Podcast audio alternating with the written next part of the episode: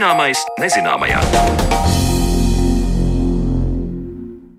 Esiet sveicināti! Sāk skanēt raidījuma zināmais nezināmajā, un ar jums kopā esmu es Sandra Kropa, un šodien mēs raidījuma uzmanības lokā esam nolikuši politiku, vēsturi un kādu īpašu spēli, kas ļoti aktīvi izmantota kā starptautiskais attiecību instruments, proti šahu.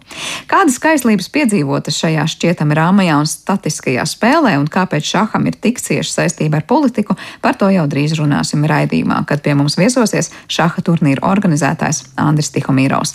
Bet pirms tam iepazīstināsim atradīsim vēl kādu neparastu objektu, kas kalpojas spraigajā kosmosa sacensībā.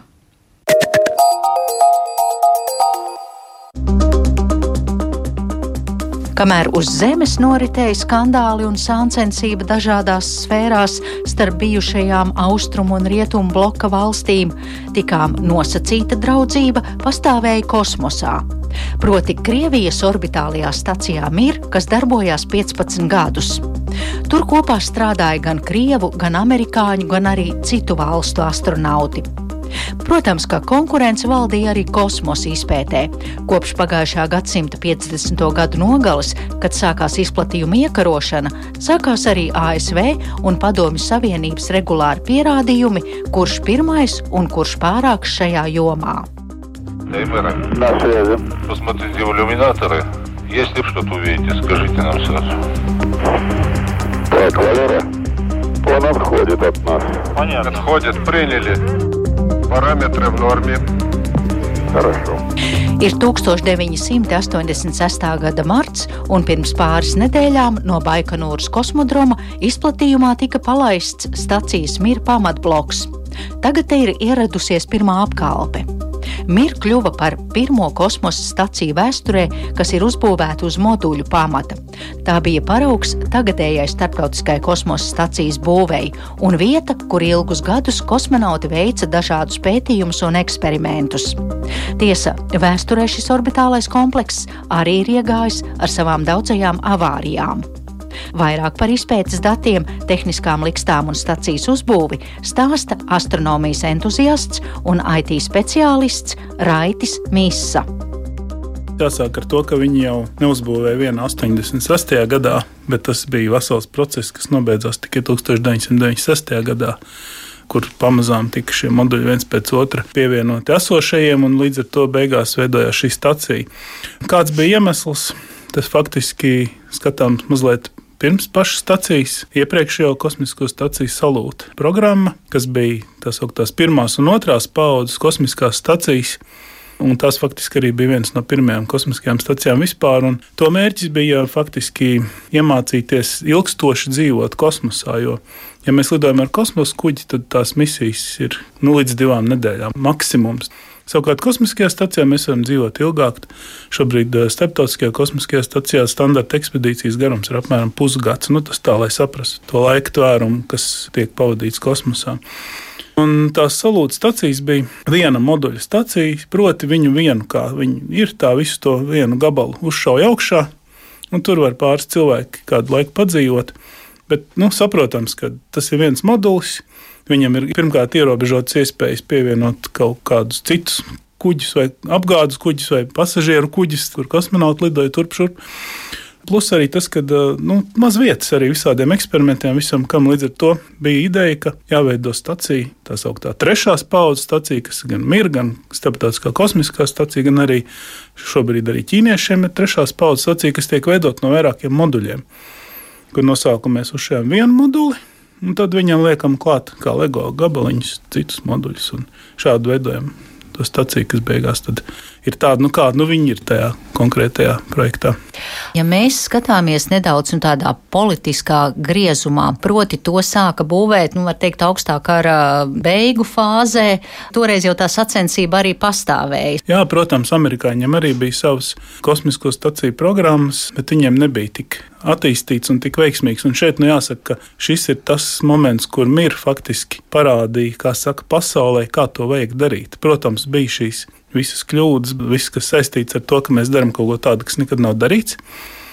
Bet uzreiz arī jāatzīst, ka MIR faktiski bija tā platforma, kas no vienas puses, protams, deva priekšrocību to laiku padomju savienībai pret uh, visu pārējo pasauli, jo viņiem bija šāda stacija, kurā varēja uzturēties ilgstoši, veikt dažādus eksperimentus. Un pie viena viņi arī mācījās būvēt kosmisko staciju. Un tur arī ir daudz šīs kļūdas. Protams, tās ir saistītas ar to, kādas nu, bija tās tehnoloģijas, kurā brīdī un cik nu, viņas bija labi būvētas, kā jau Padomju Savienībā. Bet no otras puses, tas ir arī nu, starptautiskā kosmiskā stacija šobrīd ir faktiski mantojums no miera programmas. Tas jāsaprot. Jo daudz kas, ko toreiz iemācījās, tagad ir likts lietā. 1997. gada 24. februārī stacijas skābekļa padeves sistēmā izcēlās ugunsgrēks. Tobrīd stacijā atradās seši Krievijas un ASV kosmonauti, kuri tika pakļauti briesmām. Telpās sāka izdalīties dūmi, un ugunsgrēka dēļ stacijai nevarēja piekļūt evakuācijas transporta līdzekļi. Tā paša gada jūnijā Krievijas kosmonauts Vasilijs Cibļījevs zaudēja kontroli vadot bezapkalpes krāvas kuģi, un šis kuģis ietriecās saules paneļos, kas apgādāja staciju ar elektrību.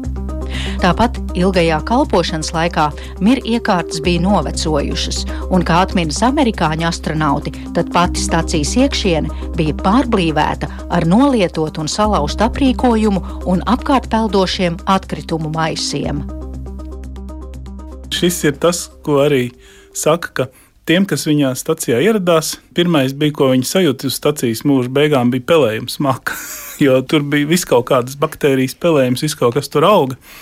Un arī attiecīgi arī bojāja gaisa loģiski.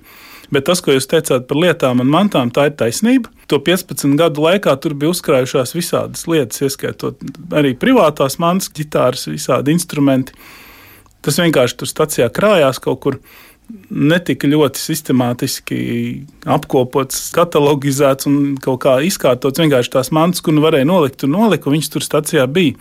Plus ir jāsaprot, ka bija arī problēmas ar komunikācijām starp stācijas moduļiem. Tie vadi, kabeļi un visādas caurules, teiksim, tā gāja caur lūkām. Viņas nebija starptautiskajā kosmiskajā stacijā ieprojektētas, kad iet pa kaut kādiem nu kanāliem, vai jau pašā būvēšanas laikā paredzēts, ka tur būs caurule, kur ies kaut kāds šķidrums vai kāda gāze. Daudz gāja vienkārši kā čūskas caur lūkām no viena moduļa uz otru.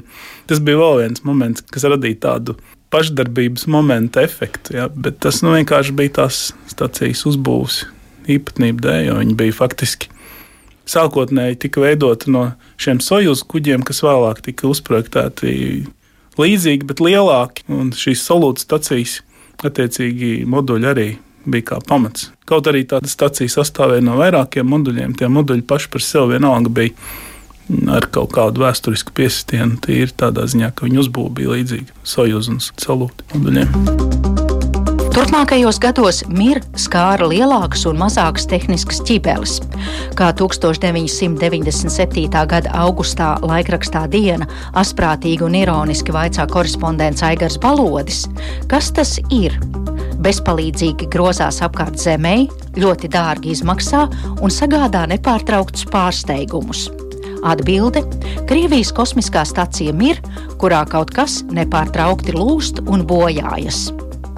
Arī mirs saimniecei Krievijai nebija pietiekami finansiālu līdzekļu, lai uzturētu kārtībā šo kosmosa būvi.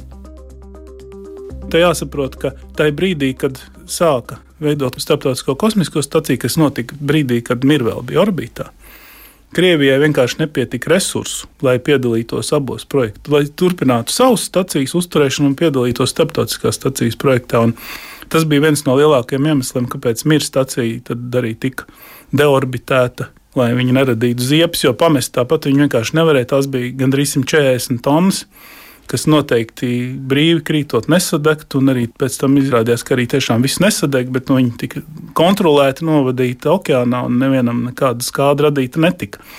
Līdz ar to tas jā, iemesls tam, kāpēc mīra vispār neturpinājās. Vēl ilgāk kā 15 gadus ir tas, kad bija jaunāka, labāka stacija jau, jau uz steķiem un sākta būvēt. Bet vai Amerikas piesaista arī bija finansiāla apsvēruma dēļ, tāpēc, ka nebija naudas Krievijas pusē, ko uzturēt šo stāciju. Nu, te ir jāsaka, ka šis iet abos virzienos. No vienas puses, Krievijai bija Mīra divi projekts plānos, bet viņš tika pārtraukts. Un amerikāņiem arī bija savs projekts, kuru ietvaros bija paredzēts veidot arī trešās paudzes kosmisko staciju, bet arī viņiem vieniem nepietika jaudas, lai to īstenot. Tad savācās kopā starptautiskā saka, komūna, Krievija, ASV, Kanāda, vēl Eiropas valstis sametās kopā, salika naudu, salika spēkus un tad sāk veidot šo starptautisko kosmisko staciju. Tas ir tas veids, kā pie viņas tagad ir tikts un kāpēc viņa ir tik laba jo ir daudz resursu no vairākiem partneriem. Ja mēs skatāmies uz ieguldījumu zinātnē un tehnikā, tad kāds ir tas mantojums, ko ir atstājusi šī kosmosa stacija? Nu, kosmiskā stacija ir jāsaprot, bija pirmā, kas ļāva plašā mērogā veikt visādus eksperimentus. Pirmkārt, noteikti, kas notika, bija šie cilvēku fizioloģijas pētījumi, kas notiek ar cilvēku ilgstoši, vairāk kā dažs labs tur ilgāk par gadu nodzīvoja. Ilgstoši uzturoties, kas notiek ar cilvēku ķermeni. Tā bija tā mācība, ko ņēma vērā Starptautiskās kosmiskās stacijas projektā. Proti, ka ir jātrenējas, jāvingro. Mirā bija gan velosipēda trenižieris, kur viņam bija katru dienu jāno, jānobrauc nosacīt 10 km, gan bija tā slīdošā lente, kur vajadzēja 5 km nostaigāt katru dienu, lai uzturētu ķermeni kaut kādā formā, kaut cik. Tad tagad Starptautiskajā kosmiskajā stacijā ir izstrādāts speciāli trenižera komplekss, vēl efektīvāk par to, kas bija mirs nodrošina to, ka cilvēks atgriežoties uz Zemi vienkārši nesakrīt kaudzē, bet ir vēl spējīgs pēc neilga laika arī jau pats staigāt. Nu, atkarīgs no ilguma. Ja tur aizbrauc uz pāris nedēļām, tad nekāda rehabilitācija nav vajadzīga, bet nu, tas jau atkarīgs no cilvēka un misijas garuma, protams. 2001. gada 23. martā Mir tika kontrolēta sadedzināta un tās atlūzas iegāzās Klusajā okeānā. Tiesa, Krievija vilcinājās ar savas stacijas likvidēšanu. Kāpēc tā? To skaidro Raitis Mīsa. Pirmkārt, bija cerība, ka varbūt izdosies piesaistīt kādus privātus naudas līdzekļus, tā skaitā no ASV, lai turpinātu to staciju. Izmantot varbūt nevis valsts, bet privātiem mērķiem. Tas būtu viens veids, kā viņi varētu turpināt dzīvot.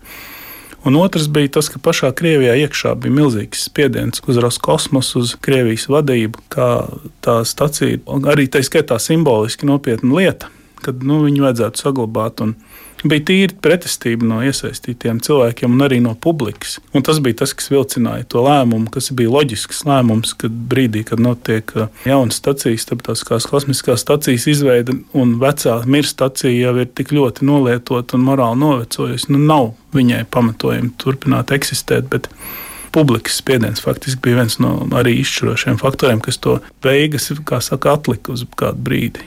Par kosmosa staciju mīru tās funkcijām, lomu politikā un likteni dzirdējām Zanes Lācis Baltāksnes sižetā, bet raidījuma turpmākajās minūtēs pievēršamies šaham.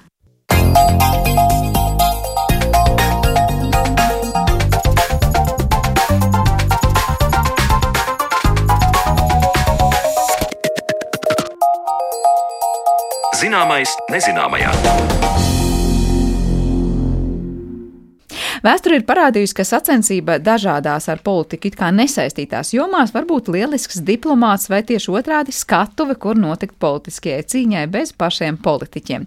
Olimpiskās spēles, kosmosa misijas un šahs - šīs ir tikai dažas no sporta un zinātnes nozarēm, kur lielvaras sacenšas, kurš pirmais. Šoreiz uzmanību raidījumā esam veltījuši kaislībām šahā, un tieši tāpēc studijā sveicu šaha turnīru organizētāju Andru Tihomiro. Labdien! Labdien! Nu, šķiet, no malas tiešām tāda klusa, statiska spēle, vai ne, intelektuāla un rāma, un tomēr, laikam, kaislības šahā nemazākas kā citās jomās. Kā tu teiktu, vai skandāli šahā ir ierasta parādība, un tur šīs politiskās sacensības arī ir spēlējušas nozīmīgu lomu? Nu, nu, skandāli ir pēdējā laikā ar vien biežāk.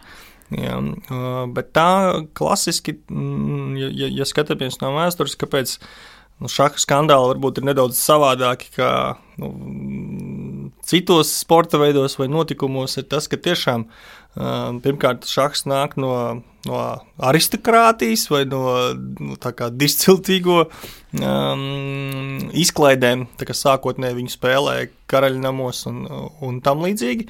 Pēc tam šachs pārceļās uz 18. gadsimtā uz kafejnīcām, nu, tur Parīzē, Londonā, kur atkal pulcējās nu, tāda jau smalka nu, publika. Nu, jā, tur ir vidējā līmeņa aristokrāti kaut kādi mm, un uh, turīgi cilvēki. Tad viņš tur parādās, un viņam ļoti ilgu laiku ir šāds status, un arī tie čempionāta fināli vai pat turnīri klasiskie. Viņi ļoti ilgu laiku un joprojām augsta līmeņa turnīri notiek, nu, ka viņi sēž uzvalkos, tie sportisti. Ja? Nu, līdzīgi kā varbūt uh, citos sporta veidos tikai uz preses konferencēm atnāk kāds uzvalkāts šahists, viņš ir uh, arī nu, visu laiku spēlē arī to partiju. Un tas, ka tas notiek klusumā, un ilgi, un tad, protams, katra mazākā kaut kāda novirze no notikumiem jau ir skandāls. Ja?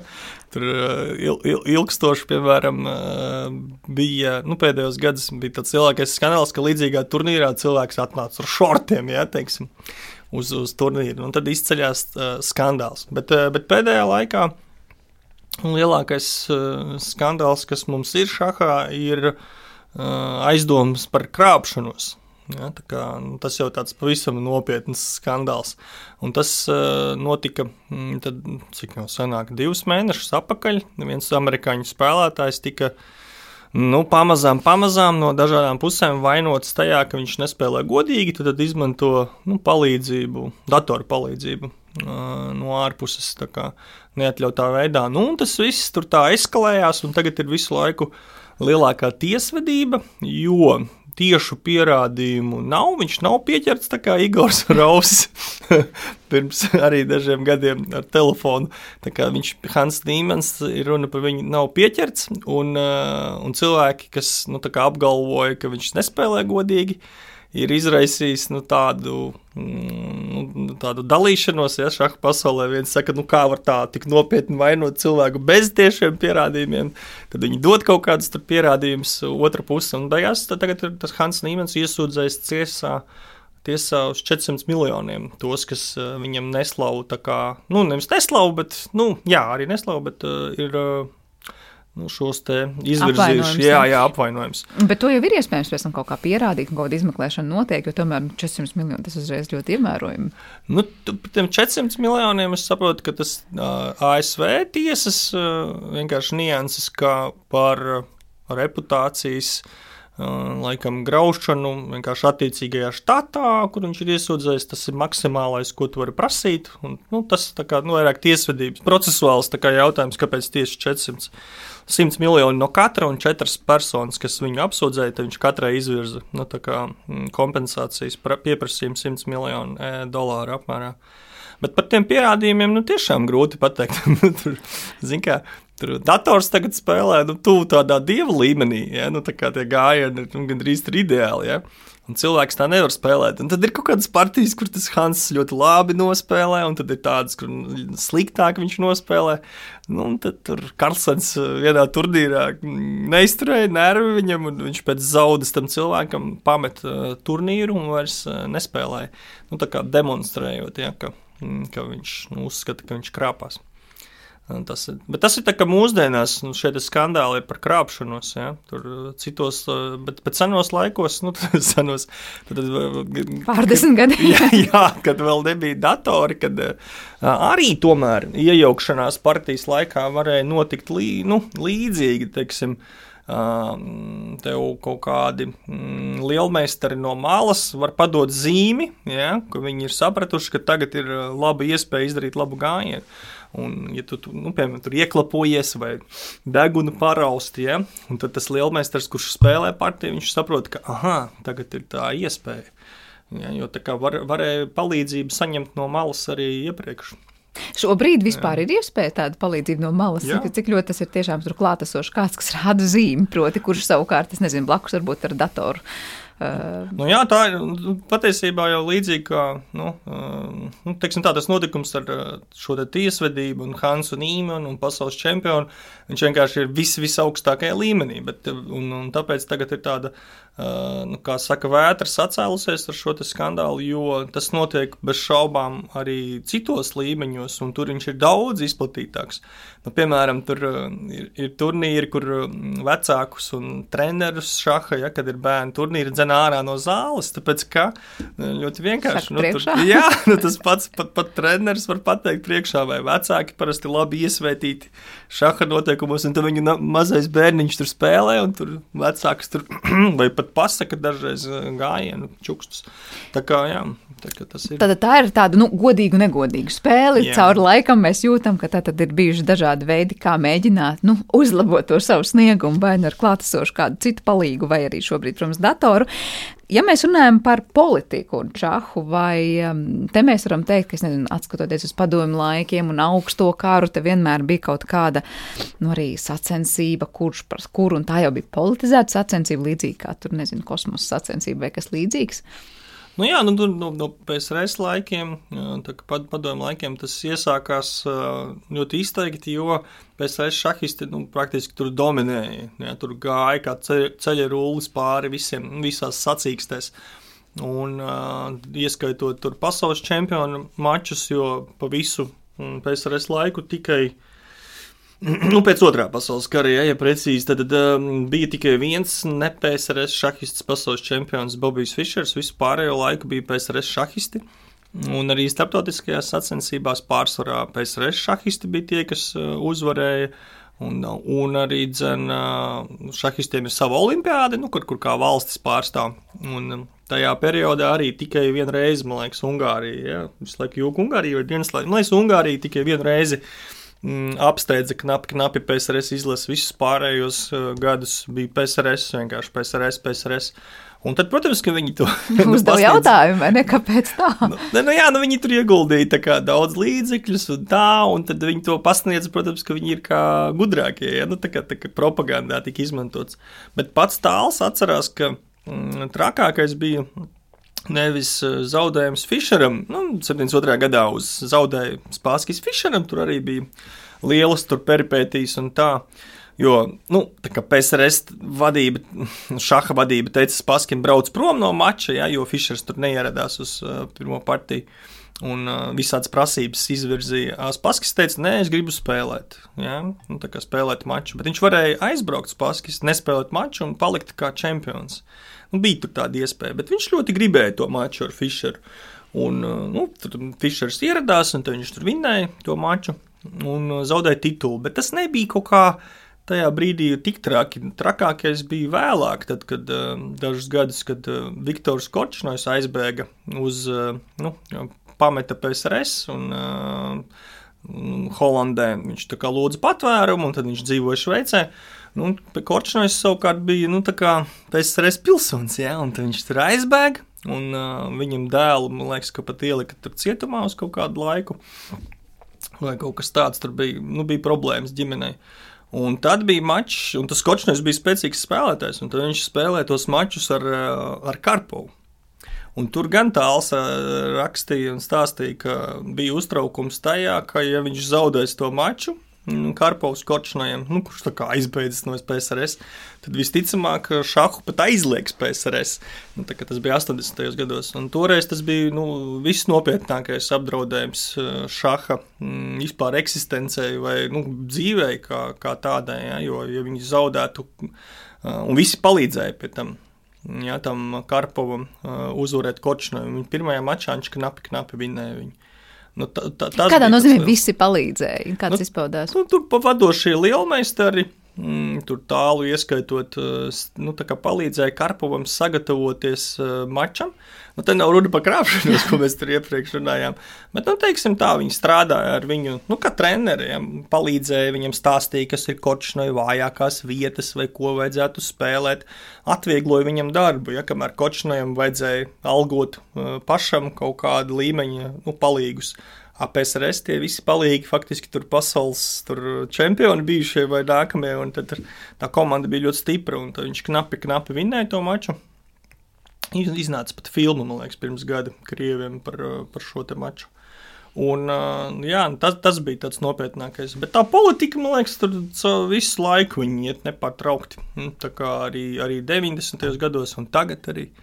Tur Fide tomēr vada Arkādijs Dvorkovičs, un tad daudziem tas nepatīk, jo viņu nesen ievēlēja. Un tad tur vēl nu, tā. Bet kāpēc nu, tas ir tik politiski nezinu, nozīmīga platforma, vai kāpēc tur valda tāda vēlme nu, diktēt tos noteikumus vai būt tajā elitē?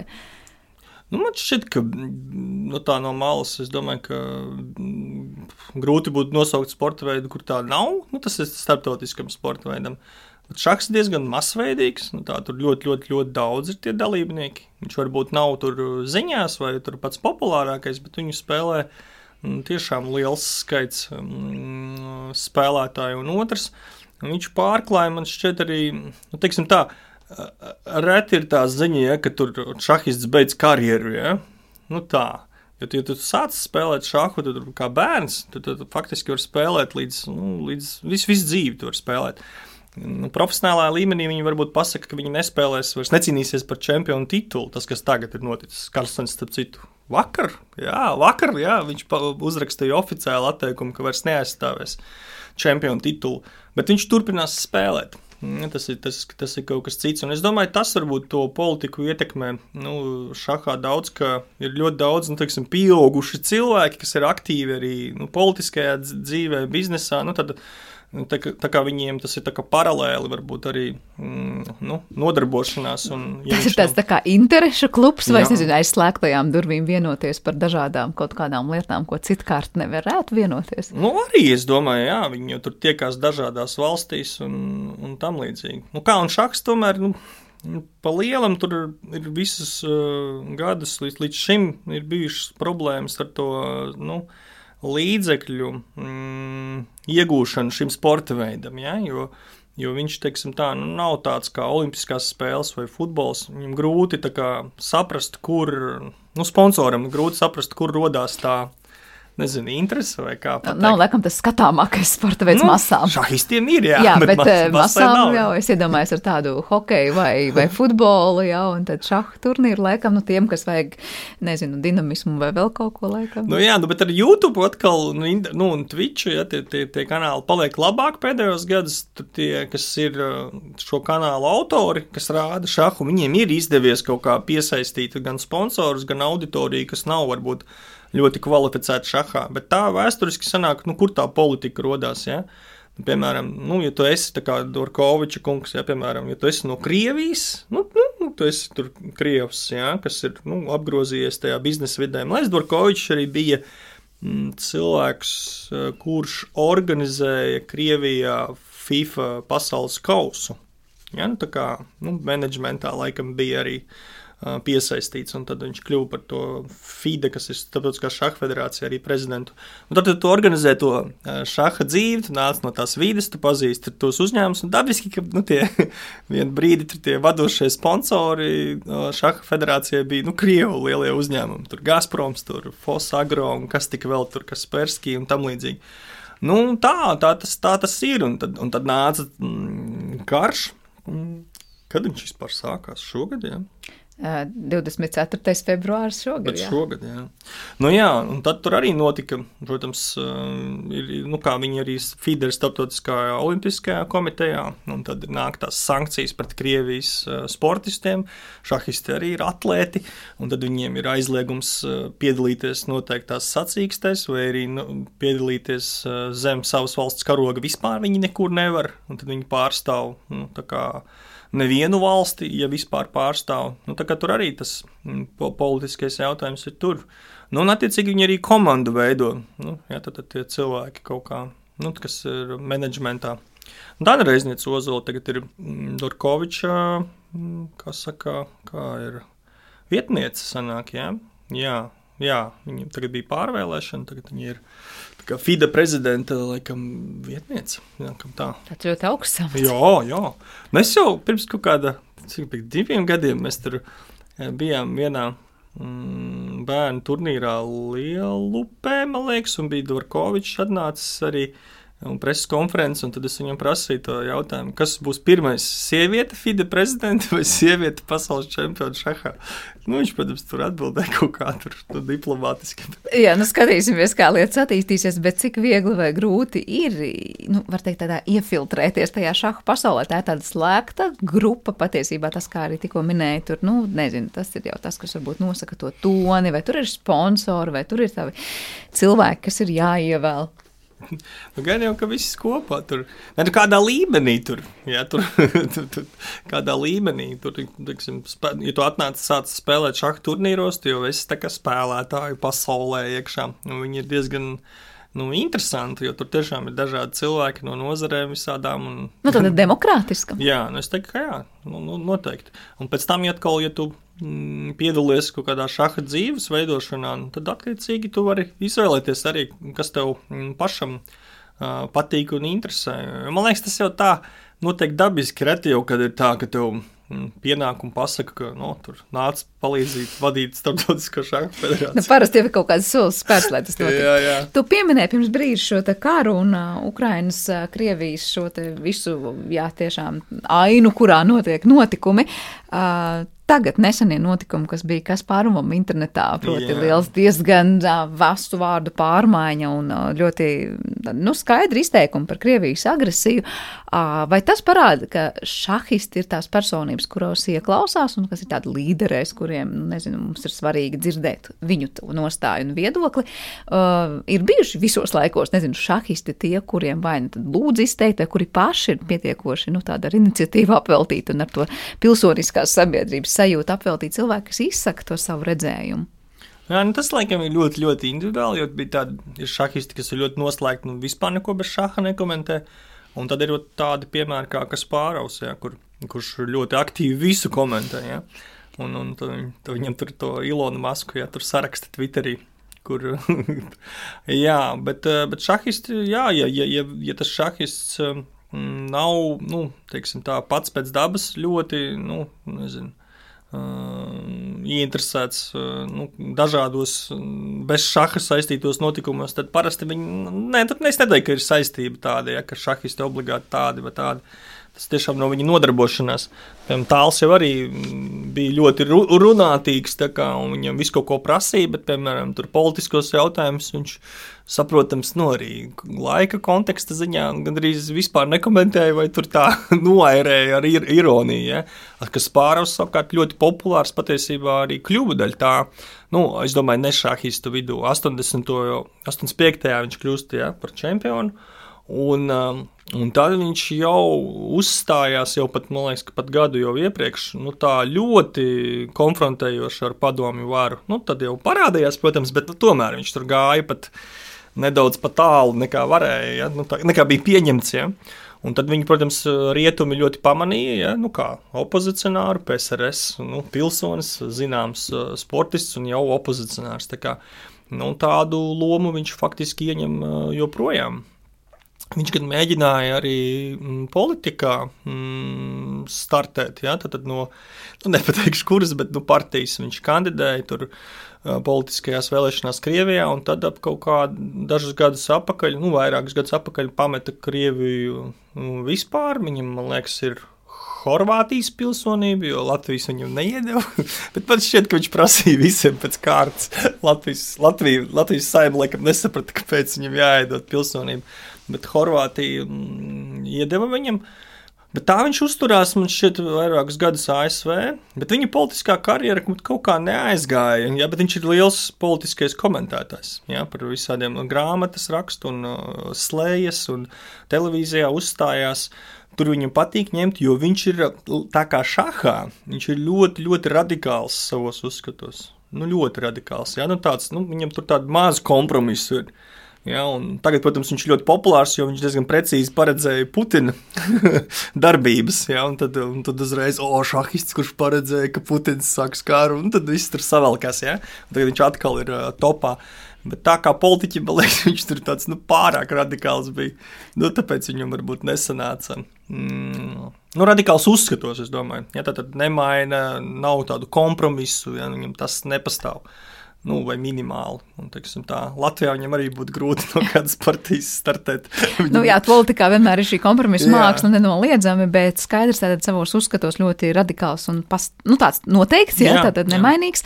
Uh, savukārt, kā tev pašam liekas, cik nozīmīgs ir tas, ko viņš saka, kā, nezinu, nu, no šaha pasaules vai no šīs, te, nu, opozicionāru pasaules, uh, šobrīd vispār kaut kur Krievijas auditorijā, vispār tas, ko viņš pasaka par Krievijas agresiju attiecībā pret Ukraiņu, tavuprāt, tam ir nozīme un svars? Nu, jā, es domāju, ka ir. Jā. Tur grūti man, protams, vērtēt, cik, cik. Jā, jā, cik liela ir.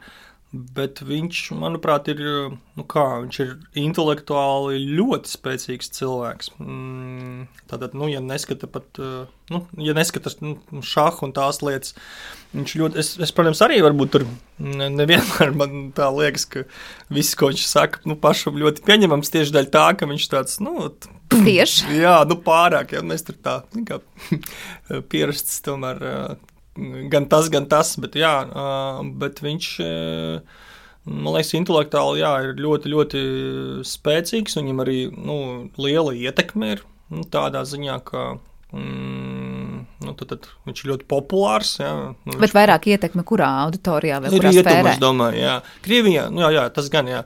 Tad rietumu pasaulē viņu tā, nu, uztver kā viedokļu līderi.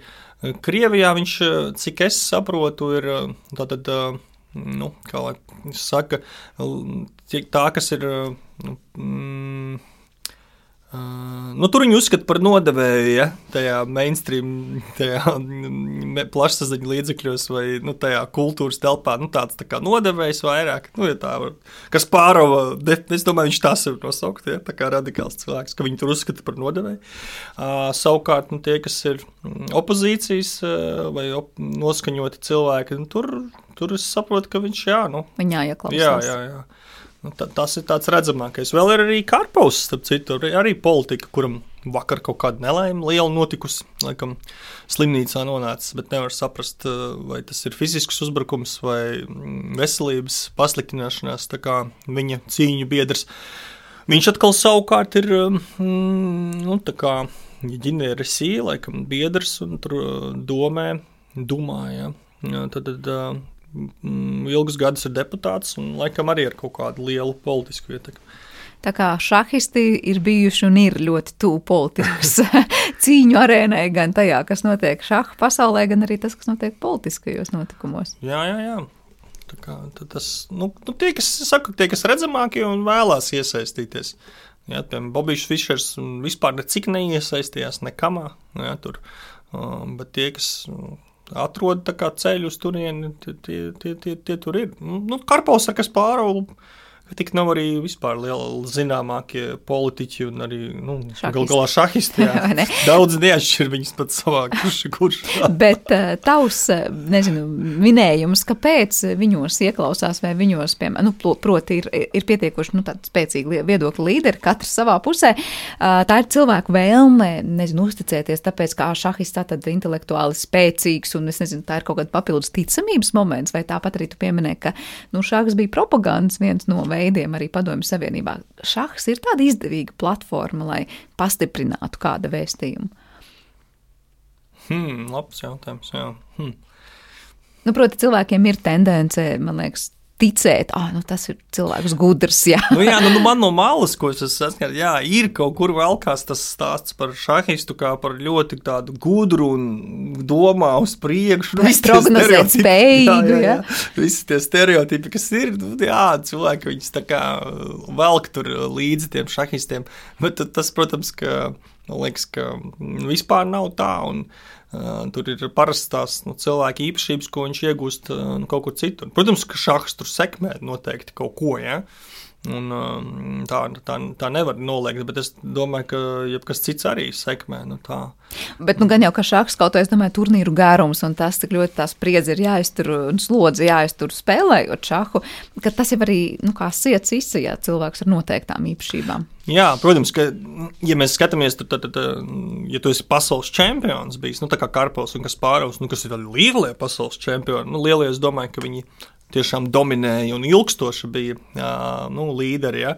Un tad bez šaubām tas atstāja jau kaut kādu nopietnu nu, kā nospiedumu ja? tad, tad uz tavām nu, spējām un iespējām. Ja? Beigās jau arī kādus cilvēkus tur satiec uh, procesā, ja? tad, tad uh, kļūšana. Tad, uh, kas, kas pāraus un karpus nav parasts, parasts šahists. Ja? Tā kā, nu, tur, tur viņiem, uz viņiem jau var attiecināt uh, kaut kādas specifiskas iemaņas un īpašības, ko viņi ieguva. Jo tie mači visi tiešām tā nu, izturība un Uh, jā, jā, jā. Tad, tad, tad uz viņiem tas var darboties. Nu, par viņiem var teikt, ka viņiem tur ir īpašākas spējas.